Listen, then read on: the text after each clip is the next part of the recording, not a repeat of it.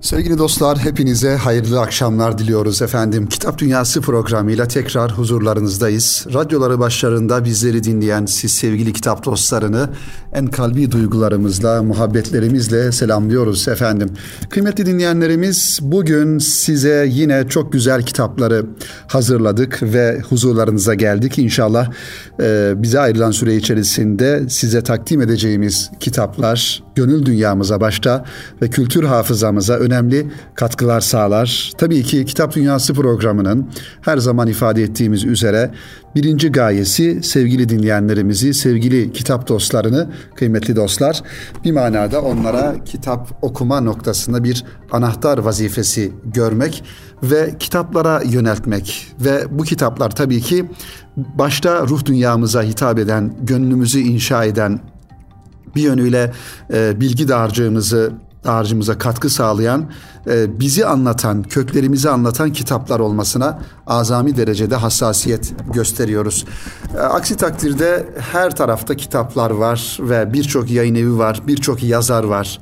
Kimi gönlünden yazı yazıp kitap yayınlıyor, kimi efendim süfli duygularıyla yazıyor, kimi insanın e, kalbine, aklına, gönlüne hitap ederken başkaları da insanların daha çok süfli duygularına, nefsine hitap ediyor. Onun için biz kitap okurları olarak, kitap dostları olarak bu konularda mümkün mertebe elimizden geldiği kadar seçici davranmak zorundayız sevgili dinleyenler. Çünkü her e, nasıl ki e, her önümüze geleni yemediğimiz gibi, her duyduğumuzu dinlemediğimiz gibi her e, gördüğümüze bakmadığımız gibi, bakmamamız gerektiği gibi dolayısıyla her önümüze gelen kitabı, yazıyı, metni de okumamamız gerekir. Bu konuda seçici davranmamız gerekir. Filtreden geçirmemiz gerekir diye e, düşünüyorum sevgili dinleyenlerimiz. Onun için Kitap Dünyası programına efendim konu olan kitaplar, konular da aynı şekilde belli bir filtreden geçirilerek sizlerin huzuruna çıkarılıyor, sizlere takdim ediliyor ve bu konuda bir hassasiyet içerisinde olduğumuzu ifade etmemiz gerekiyor kıymetli kitap dostları. Bu vesileyle kıymetli dinleyenlerimiz ilk kitabımıza bakalım şöyle yazar Metin Önal Mengüşoğlu'nun e, efendim e, biyografi serisinden çıkan Yine Metamorfoz yayınları arasından çıkmış biyografi serisinden çıkan Üstad Sezai Karakoç'u anlatan bir kitabıyla programımızı başlatmak istiyoruz. Üst başlığı Felsefe Sıfır, Din Birdi. Evet belki Sezai Karakoç'un felsefi tarafı da belki e, yazılarında, kitaplarında ön plana çıkıyor belli noktalarda ama biz bu ve benzeri insanların sevgili dinleyenler özellikle kültür dünyamıza, fikir dünyamıza önemli katkılarının olduğunu ifade etmemiz gerekiyor. Ve yazmış olduğu, Sezai Karakoç'un yazmış olduğu 50'den fazla kitaba baktığımızda bir bütün olarak tabi edebiyat muhtevalı kitapları var, şiir kitapları e, var. E, gazete zamanında yazmış olduğu Sütun e, ismiyle neşretmiş olduğu gazetelerde, dergilerde neşretmiş olduğu yazıları derlediği kitaplar var. Ve bir diğer taraftan da bir e, manifesto anlamında e, İslam'ın, İslam tefekkürünün boyutlarını, çerçevesini, köklerini anlatan ve bir manada bize bir perspektif e, sunan, bir bakış açısı ortaya koyan e, kitaplarının olduğunu görüyoruz. Metin Önal Mengüşoğlu da Sezai Karakoç isimli kitabını bu şekilde kaleme almış ve şöyle bir arka kapak yazısı e, koymuş kitabın arka sayfasına. Mütefekkir şair, daha doğrusu yayın evi koymuş bu yazıyı sevgili dinleyenler. Mütefekkir şair Metin Önal Mengüşoğlu bu eserinde aynı edebi ve fikri niteliklere sahip üstadı ve ağabeyi olarak görüp ince bir titizlikle saygı duyduğu Sezai Karakoç üzerine üstadın düşünce ve edebiyat atlasına içeriden yakın bakış açıları ve tanıklıklar içeren biyografi denemesiyle çıkıyor okurun karşısına. Mengüşoğlu'nun hatıralarla yüklü kaleminden vücut bulan bu eserde Karakoç'un tefekkür eserlerinin aydınlatılıp tahlil edilmesinin yanı sıra üstadın bir medeniyeti omuzlayan şiirleri de özgün ve özge tespitler ışığında ışığa kavuşup açığa çıkarılıyor. Mahalli frekansları da uyumlu söz ve ses efektleri içeren Mengüşoğlu'nun dava şuuruyla kelimelere aksettirdiği bu hayati ögeler barındıran biyografik eserin diriliş okurlarına e, okurlarına da hitap eden bireysel, tarihsel bir boyut olduğunu, yazarın bunu deneme formu içinde gerçekleştirdiğini ve ortaya samimi, sahici e, ve sahih bir Sezai Karakoç portresi çıktığını söylemek mümkündür. İslami hassasiyetlere sahip ve İslam davasına gönül vermiş bir şairin kaleminden Sezai Karakoç'un şiir sanatı ve tefekkür iklimi, hassas dokunuşlar ve farklı tespitlerle İslami bir çerçeveye kavuşuyor diye kitabın arka kapak yazısını yayın evi kendi ifadesiyle, ifadeleriyle e, ortaya koymuş sevgili dinleyenlerimiz. Efendim bakalım kitabın içindekilerde neler var, daha doğrusu muhtevasında neler var kitab kitabın. Ee, birinci bölümde medeniyet krizinden çıkış başlığını taşıyor. Sezai Karakoç'un bu manada sunmuş olduğu e, çözümler, bu krizden çıkış yollarının neler olduğunu, Müslümanların dirilişi, İslam ekonomi, İslami ekonominin açık formülü, ışık saçan mağara, iman ve insanlık, kalkış günü, diriliş cephesinden Mehmet Akif, 8. oğul, e, ve son sütun diye birinci bölüm bu şekilde e, ortaya konulmuş kıymetli dostlarımız. İkinci bölümde yine Sezai Karakoç'un e, çevresinde, etrafında şiir ve medeniyet bahçesi başlığı altında Güneyli çocuk şair, Körfez, Bir Fener, Şah Damar'dan da yakın olan Hızır'la 40 saatten siyer defteri, Taha'nın kitabı, her insanın kitabı, gül muştusu, gönül muştusu ki bu ifadeler sevgili dostlar Sezai Karakoç kitaplarını e, okuyan, e, yakından tanıyan, Karakoç'un e, düşünce dünyasını bilen insanlar hatırlayacaklar. Bu ifadeler tamamen Sezai Karakoç'a ait olan kitaplarında, yazılarında kullanmış olduğu ifadeler. Gül muştusu, gönül muştusu, büyüyüp de çocuk kalan sesler, düşüşten kalkışa bir menzil e, başlıklarını kitapta e, görüyoruz kıymetli dinleyenlerimiz. Efendim bu ve benzeri e, kitapları tabii ki bir fikir kitabı bağlamında okuyup bir açıdan bir bakış açısı kazanabilme gayreti içerisinde okumak gerekir diye düşünüyorum sevgili dinleyenlerimiz. E, bu kitabı bu şekilde sizlere aktardıktan sonra kıymetli dostlarımız ikinci kitabımız yine güzel bir yayın evinden ve önemli bir yazarın kaleminden takdim edilmiş merhum Profesör Doktor Muhammed Hamidullah'ın e, kaleminden e, beyan yayınlarından sevgili dostlar İslam'da Devlet İdaresi ismiyle bu kitap Muhammed Hamidullah Hoca'nın merhumun imzasıyla onun kaleminden bizlere takdim edilmiş kitap sevgili dinleyenlerimiz 300 e, daha doğrusu 400 sayfadan oluşuyor. Muhammed Hamidullah'ın kitaplarını şöyle beraber hatırlayalım sevgili dinleyenler.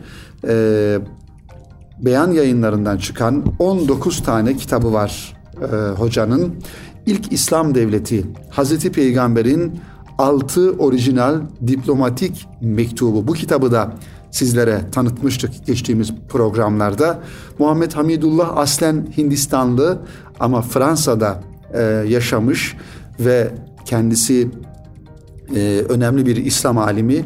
Türkiye'de de e, gelip burada üniversitelerde belli dönemlerde dersler vermiş, hocalık yapmış.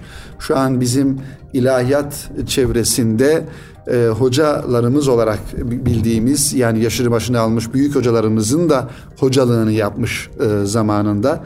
Yıl olarak hangi yıllarda İstanbul'da ya da Erzurum'da e, ders verdiğini biliyorum. Tam hatırlayamadı, hatırlayamadık ancak e, mesela İhsan Süreyya Sırma hocaya hocalık yapmış bir e, zat Muhammed Hamidullah Hoca Efendi. Ee, Allah rahmet etsin diyoruz sevgili dinleyenler bizlerde. İslam müesseselerine giriş, İslam tarihine giriş, İslam anayasa hukuku kendisi zaten İslam hukukçusu aynı zamanda. Ee, İslam'ın doğuşu, e, Kur'an-ı Kerim tarihi, Hazreti Peygamber'in savaşları gibi böyle e, bir de çeviri olan Aziz Kur'an ismiyle tercüme Kur'an-ı Kerim'in mealini yapmış olduğu bir e, kitap var. Aynı zamanda Muhtasar Hadis Tarihi isimli kitapta Muhammed Hamidullah Hoca'nın kitapları arasından bunları bütün bu kitapları Muhammed Hamidullah Hoca'nın kitaplarını sevgili dinleyenler beyan yayınlarından ta, e, ta, alabiliriz, temin edebiliriz. İslam'a göre diğer tüm din mensuplarının dalalette olduğu doğrudur. Evet, İslam'a göre böyle bir bakış açımız var bizim. İslam çerçevesi içerisine girmemiş, İslam dairesi içerisine girmemiş, İslam'ı kabul etmemiş ya da İslam'ın bir e, efendim tarafını, bir cüzünü kabul etmemiş olan insanlar e, dalalettedir. Yani sapıklıktadır. Bununla birlikte dünya hakimiyeti bakımından en zirvede oldukları bir dönemde en dindar ve en selefi olan Müslüman yazarların bu konuda neler söylediklerine bir bakalım. Bunların hepsi uluslararası ilişkilerle ilgili bir temel hukuk kuralı üzerinde müttefiktirler ve İslam hukuku ile ilgili bir her kitapta dünyanın zorlukları karşısında Müslüman ve kafir eşittir prensibi birbirine benzer ifadelerle tekrar edilir. Müslüman karşı taraf kafirdir diye hak ve adaletin ve vicdanın aksine hareket edemez ve yine hiçbir Müslüman karşı tarafa verdiği sözü bozamaz. Yani hukuk e, karşısında sevgili dinleyenler, İslam hukuku karşısında da Müslümanla e, kafirin hak bakımından durumu eşittir. Yani bir insana İslam'da kafir olduğundan dolayı hukuk dışı bir davranış, bir tavır e, sergilenemez, gösterilemez. Bir kimsenin misilleme olarak bir başkasının yerine cezalandırılması hukuk dışıdır veya yine düşmana eman verme hususundaki İslami müessese Kur'an'ın emrine dayanmaktadır. Bu emir İslam düşmanlarının en şiddetlisi olan müşrikler hakkındadır. Herhangi bir insan himaye ve iltica talep ederse hiçbir gerekçe ile reddedilmez, reddedilemez. Yani bu e, iltica ve himaye talep eden insan gayrimüslim de olabilir. Ama hakkı ve hukuku korunması gerekir. Aslında uluslararası İslam hukukunun yapısı Müslüman olmayanlara göre düzenlenmiştir. Çünkü bu bilimin kurucularına göre İslam dünyası tek bir bütünü ifade eder ve dolayısıyla onların kanunlaştırmak istedikleri başkalarıyla yani Müslüman olmayan devletlere nasıl davranılacağı hususundaki kuralları tesis etmektir. Evet, Dışişleri ve Savunma Bakanlıkları da dahil insanın kendi yararının aleyhine de olsa İslam herkese adaleti emretmiştir diye kitabın arka kapak yazısı bu şekilde bize takdim ediliyor sevgili dinleyenler. İslamlı Devlet İdaresi e, önemli bir konu e, ki her ne kadar zaman zaman belli e, ilahiyatçılar ya da İslam adına söz söyleyen insanlar tarafından e, İslam'ın siyasal ömrüyle alakalı tartışmalı ifadeler e, ortaya koysalar da hatta kitaplar yazsalar da biz İslam devlet idaresinin en güzel örneğini ilk olarak Peygamber Efendimiz Aleyhisselatü Vesselam'ın e, asr-ı saadet dönemi olarak e, isimlendirilen yaşamış olduğu dönemde görüyoruz. İslam'ın efendim devlet idaresinin savaş, e, ordu, sosyal hayat, efendim ekonomi, siyasi hayat gibi alanlarda nasıl bir e, e, adım ortaya adım attığını, nasıl bir duruş ortaya koyduğunu oradan görüyoruz ki Medine İslam Devleti daha sonra Mekke fethedildiği zaman e, kurulmuş olan İslam Devleti ve onun devlet başkanı olan Peygamber Efendimiz ve onun etrafında halkalanan diğer sahabe-i kiram ve bunların her birisinin ayrı görevleri halife e, sıfatıyla Peygamber Efendimiz'den sonra halife sıfatıyla devlet idaresi ve fetihler, genişlemeler ve daha sonra İslam devleti vasfıyla Emeviler, Abbasiler, e, efendim Selçuklular ve daha sonra Osmanlı devleti hilafetin devam ettiricisi olarak Osmanlı devletinde de İslam devleti formatının şeklinin e, efendim birçok e, unsurlarını uygulamalarını görmüş oluyoruz sevgili dinleyenler. İşte bu konuda da kıymetli dostlar e, nasıl bir bakış açısı e, sahip olmamız gerektiği noktasında bu kitap Muhammed Hamidullah Hoca'nın ortaya koymuş olduğu bu esaslı bir kitap gerçekten teferruatıyla her şeyiyle İslam devlet idaresinin nasıl olması gerektiğini yani İslam devletinin e, sınırlarını, boyutlarını e, burada çok güzel bir şekilde, açık bir şekilde bir İslam hukukçusu tarafından, bir e, İslam alimi tarafından delilleriyle, boyutlarıyla ortaya konulduğunu görüyoruz. Bu kitabı mutlaka okumamız gerekiyor. Şundan dolayı sevgili dinleyenler Osmanlı Devleti'nin e, tarih sahnesinden çekildikten sonra hilafetin e, e, maalesef ilga edilip yani lağvedilip ortadan kaldırıldıktan sonra Müslümanların yani o yıldan beri bundan 100 sene öncesinden bahsediyoruz. 100-150 sene diyelim öncesinden bahsediyoruz. Bizim gibi Müslümanların kafasında e, İslam devleti ile alakalı düşünceler e, biraz böyle karışık, biraz böyle e, sınırları net e, değil maalesef. E, neden? Bunun sebebi de şu çünkü biz bir yaşamış olduğumuz toplumun ve yaşamış olduğumuz e, idarenin, e, devlet anlayışının bir takım kuralları var ve o kuralların içine doğduğumuzdan dolayı bu bunların dışında farklı şeyleri e, düşünebilmemiz bir hayli zor o, olabilir. Onun için e, yani İslam devletinin aslında siyasi anlayışı, İslam devletinin ekonomiye bakışı, e, faiz sistemi de, diye bir şey İslam devletinde yoktur. Yani ekonomiyi nasıl yönetecek İslam devleti? Sosyal hayatı nasıl tanzim edecek? Tabii bunu söylerken sevgili dostlar e, kafamızda bugün İslam devleti olarak dünya sahnesinde olup da e, kötü örnekler aklımıza gelmemesi lazım. Yani insanların temel haklarını ortadan kaldıran, insanların temel haklarını onlara çok gören e, anlayışlar her ne kadar e, İslam e, efendim temelinden, İslam anlayışı temelinden e, hareket etmiş olduklarını söyleseler de bugün onları bir geleneksel anlayış olarak, bir örf olarak görmek lazım.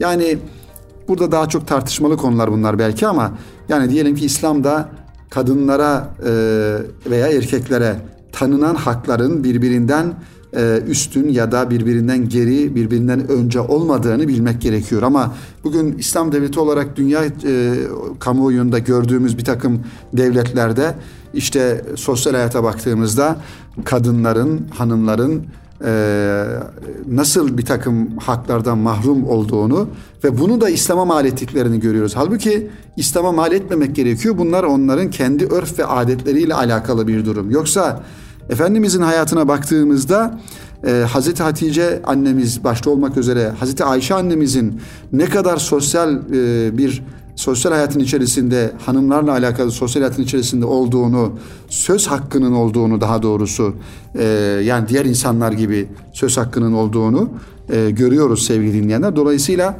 e, burada bir yanlış algıya, düşünceye e, düşmemek gerektiğini ifade etmek lazım. İşte İslam Devlet İdaresi isimli bu kitap e, şumullü bir şekilde sevgili dinleyenler bize bu konunun boyutlarını anlatıyor. Muhammed Hamidullah hocanın kaleminden mutlaka tavsiye ediyorum. Okumamız gerektiğini ifade ediyorum. Beyan yayınlarından çıkan bu kitabı sevgili kitap dostları. Efendim şimdi kısa bir ara verelim. İki tane güzel kitabı sizlere takdim ettik. Birincisi Metamorfoz yayınlarından çıkan Metin Önal Mengüşoğlu'nun Sezai Karakoç ismiyle bir biyografi kitabı. Bir diğeri ise Muhammed Hamidullah Hoca'nın İslam'da Devlet İdaresi isimli kitabı beyan yayınlarından çıkan bu iki kitabı programımızın ilk bölümünde 20 dakikalık zaman içerisinde sizlere takdim etmeye çalıştık. Şimdi kısa bir ara verelim ve aranın ardından tekrar buradayız efendim. Sevgili dostlar tekrar huzurlarınızdayız. Kitap Dünyası programıyla kısa bir aradan sonra kaldığımız yerden devam ediyoruz kıymetli dinleyenlerimiz. Efendim bir kitap daha var önümde yine Okur Akademi'den çıkan ve editörlüğünü Süleyman Turan, Emine Battal'ın yapmış olduğu Yeni Dini Hareketler Ansiklopedisi. Tabi bu kitap daha çok Batı dünyasında özellikle Hristiyan aleminde e, ortaya çıkan yeni dini hareketlerin, yeni oluşumların e, alfabetik sıraya göre anlatıldığı e, bir araştırma kitabı sevgili dinleyenler. Hacimli bir eser, bir cilt halinde ve baktığımızda sayfasına 626 sayfadan oluşuyor. Yeni Dini Hareketler Ansiklopedisi özellikle ilgili olan e, okurlarımızın, kitap dostlarının belki efendim e, müracaat edebileceği e, alabileceği bir e, okuyabileceği bir kitap. Kitapla alakalı e, birkaç cümle e, hem tanıma açısından sizlerle paylaşmak istiyorum ve e, arka kapak yazısını da okuyarak sevgili dinleyenler arkasından da e, Türkiye ile alakalı yani bizim ülkemizle alakalı belki bu manada e, son e, gelişen bir takım özellikle bu e, ilahiyatçı Mustafa Öztürk'ün açıklamalarıyla alakalı düşüncelerimizi bir kitap dünyası e, programı e, hazırlayıcısı olarak düşüncelerimizi de sizlerle paylaşmak istiyorum. Günümüzde Avrupa'dan Amerika'ya, Afrika'dan Asya'ya, dünya genelinde binlerce yeni dini hareket faaliyet yürütmektedir. Yeni dini hareketler ortaya çıktıkları ilk andan itibaren sahip oldukları sıra dışı inanç ve ritüeller, kadınlara ve erkeklere biçtikleri roller, üye edinme yöntemleri, yasa dışı faaliyetleri ve şiddet eylemleri gibi çeşitli hususlarla dikkatleri üzerlerine çekmeyi başarmıştır. Çekmişlerdir daha doğrusu bunu bir başarı olarak ifade etmemek lazım. Görünen o ki küreselleşen dünyada bu tür hareketler doğmaya ve farklı ruhsal arayışlar içerisindeki insanların ilgileri doğrultusunda taraftar ve tan- tanınırlık kazanmaya devam edecektir.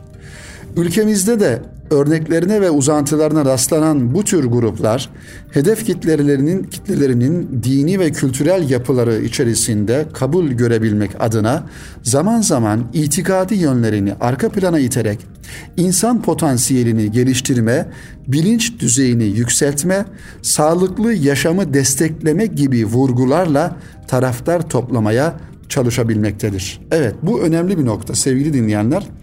Ben Bendeniz bundan bir, e, bir iki yıl önce e, Aydın şehrine yolumuz düşmüştü. Aydın'da şöyle bir sokak arasından geçerken e, bir dernek ismiyle şimdi hatırlayamıyorum daha doğrusu bir dernek ismi dikkatimi çekmişti ve e, sorduğumda oranın efendim Yahova şahitlerinin yani e, Hristiyanlık misyonerleri, Hristiyan e, dininin misyonerlerine ait bir yer olduğunu ama ismi çok böyle e, masum, kimsenin farklı yorum yapmayacağı bir isimde ortaya çıkmıştı. Şundan dolayı ifade ediyorum. Bu ve benzeri dini hareketler, oluşumlar efendim ülkemizde de farklı dernekler, farklı e, sosyal sorumluluk e, adı altında bir takım dernekler, e, vakıflar adı altında faaliyet gösteriyorlar ama asıl orada yapılan e, gençlerimizin, insanımızın zihnini bulandırmak ve kafalarını karıştırmak, onların da e, orada kendi dinlerinin misyonerliğini yapmak. Bunun da farkında olmak lazım. Evet, öte yandan bu tür gruplardan bazıları dini ve manevi unsurları birer birer kamuflaj olarak kullanarak temelde siyasi ya da ekonomik çıkarlar peşinde koşabilmektedir. Dolayısıyla bu hareketlerin etkisi kendilerine dahil olan insan sayısının çok daha ötesine uzanmaktadır. Büyük çoğunluğu dinler tarihi anabilim dalından olmak üzere ki bu kitapla ilgili bunları ifade ediyoruz. Din sosyolojisi ve din psikolojisi gibi çeşitli alanlarda toplam 100 akademisyen ve araştırmacının katkılarıyla hazırlanan bu kitapta gerek inanç ve uygulamaları gerekse faaliyetleri nedeniyle kaynaklarda yer bulan ve adından söz ettiren toplam 242 hareket. Kısa tarihçesinden kutsal metinleri, inanç esasları, ritüelleri, festivalleri, üye sayısı ve varsa sembollerine varıncaya kadar bilgiye dayalı olarak tanıtılmaktadır. Dolayısıyla bu kitap sevgili dostlar dinler tarihi, mezhepler tarihi, sosyoloji, din sosyolojisi, din psikolojisi ve benzeri alanlarda çalışma yapan ve dünyanın giderek çeşitlenen dini panoramasını anlama çabası içerisinde olan akademisyen, araştırmacı ve öğrencilerin yanı sıra yine dini hareketler hakkında daha fazla bilgi sahibi olmak isteyen herkes için önemli bir başvuru kaynağı niteliğindedir. Kitabımız sevgili dostlar dediğim gibi hacimli bir eser ve 626 sayfadan oluşuyor. Okur Akademi'den Süleyman Turan ve Emine Battal'ın efendim editörlüğünü yapmış olduğu bir çalışma ilgi kitabı diyebiliriz. Tabi az önce de ifade ettiğim gibi Türkiye'deki uzantılarının e, farkında olmak gerekiyor. E, gerek İstanbul'da olmak üzere farklı illerimizde, farklı ilçelerimizde bir dernek adı altında, bir vakıf ismi altında, efendim bir sosyal sorumluluk e, ismiyle ortaya çıkan ve faaliyet gösteren derneklere bu manada bu gözle bakmak lazım. Menşei, kaynağı, mensubiyeti, aidiyeti nedir? Bunlar neler yapıyorlar? İnsanları neye çağırıyorlar? Bunlara dikkat etmek gerekir. Gelelim sevgili dostlar geçtiğimiz haftalarda internet e, aracılığıyla, sosyal medya aracılığıyla herkesin e, ulaştığı ve gördüğü, dinlediği Mustafa Öztürk isminde bir e, efendim sözlü akademisyenin hezeyanlarına bunu da buradan ifade ederek bir manada bir farkındalık oluşturarak sevgili dinleyenler programımızın son dakikalarında bu konuya temas etmek istiyoruz. Kur'an-ı Kerim'in haşa bir e, Allah'ın kelamı olamayacağı, oradaki bir takım ayeti kerimelerden örneklendirmeler yaparak bu sözlerin Allah'a ait olamayacağını, bunların beşer sözü olduğunu e, ifade eden bir videosu e, yayınlandı. Sevgili dostlar, e, bu ve benzeri insanların ben hadiseleri çok şahsileştirmeden belki düşüncemizi söylemek lazım. Türkiye'de insanımız, e, Türk insanı, Müslümanlar bu ve benzeri insanlara aslında çok yabancı değil. Bunun gibi düşünen daha farklı insanlar öncesinde de vardı. Bundan sonra da mutlaka olacaktır. Fakat şunun farkında olmak lazım ki bu ve benzeri düşünceler bizim Türkiye temelli, Türkiye kaynaklı değil, tamamen dünya genelinde efendim İslam'a e, İslam'ın bir reforma ihtiyacı olduğunu savunan bugün Avrupa'daki e, bir takım insanlar yani Türkiye'nin dini Türkiye'deki Müslümanların ya da İslam coğrafyasının mensupları olan Müslümanların anlayışına, dini yaşantılarına bir dizayn e, vermek isteyen, onun bir tasnif yapmak isteyen ya da ona bir şekil vermek isteyen düşüncelerin, düşünce e, odaklarının uzantıları olarak aslında bunları algılamak lazım. Kaldı ki e, Kur'an-ı Kerim'in Allah kelamı olduğu noktasında mucizevi tarafları yıllardan beri konuşulan ve görülen bir gerçektir. Bunu 1450 sene sonra Mustafa Öztürk ismindeki bir e, adamın güya kendisine göre bir takım e, tespitleriyle e, ortaya atmış olduğu bu saçma sapan düşüncelerine de bizim insanımız tabii ki bir e, prim vermeyecektir. Bunu da ifade etmek lazım. Ama asıl işin üzücü tarafı sevgili dinleyenler, üzücü tarafı bu insanların ilahiyatçı ya da din adamı e, sıfatıyla toplumda varlık gösterip belli noktalarda karşılık bulması, efendim bir takım insanlar tarafından dinlenilir olması da işin üzücü taraf. Ve diğer taraftan da bu insanların e, devletin okullarında, devletin kurumlarında görev yapıp vatandaşın vergilerinden ortaya çıkan efendim paralardan da maaş alıyor olmaları. Ki kendisini istifa etti daha doğrusu emekliliğini istemişti o bu hadise olduğu zaman. Ama üzücü olan taraf bu ki bu insanların bizim toplumda karşılık bulabilmeleri.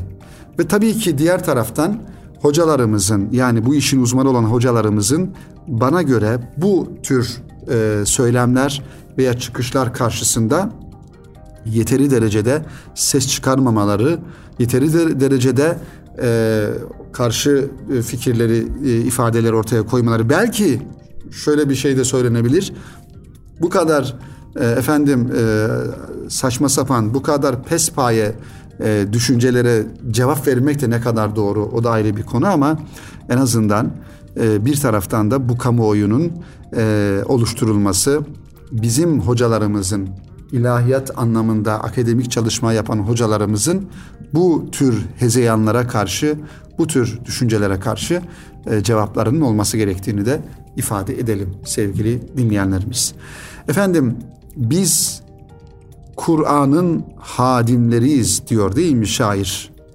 Pür imanlı ve zindeyiz. Bu yoldan dönmeyiz asla peygamberin izindeyiz. Tekrar edelim. Biz Kur'an'ın hadimleri pür imanlı ve zindeyiz. Bu yoldan dönmeyiz asla peygamberin izindeyiz. Bakın bizim usulümüz, yolumuz, bakış açımız bu. Biz Kur'an'ın hadimiyiz ve peygamberin de izindeyiz sevgili dostlar. İmanımız bunu gerektiriyor. Öbürü ne demiş, bu ne demiş, bu nasıl bir akademik açıklama yapmış bunlar bizi ilgilendirmiyor. İlgilendirmemesi de gerekiyor. Biz Allah'ın yolunda, Allah'ın kelamının istikametinde ve onun yegane efendim taşıyıcısı, onu bize sunan, bize tebliğ eden de Hazreti Peygamber Efendimiz Aleyhisselatü Vesselam'ın da ayak izlerine basa basa yürüyen, onun sevdiği, onu seven, e, onun ümmetiyiz sevgili dostlar. Bu çizgiyi, bu prensibi, bu ölçüyü bu şekilde e, ortaya koyup bu istikamette de yürümek durumundayız sevgili dinleyenlerimiz. Efendim bu hafta Kitap Dünyası programı burada sona erdi. Önümüzdeki hafta tekrar yeni kitaplarla, yeni konularla inşallah huzurlarınızda olacağız. Cenab-ı Hak izin verdikçe ve hepinizi bu duygu ve düşüncelerle Rabbimize emanet ediyorum. Önümüzdeki hafta buluşmak ümidiyle hoşçakalın sevgili dinleyenler.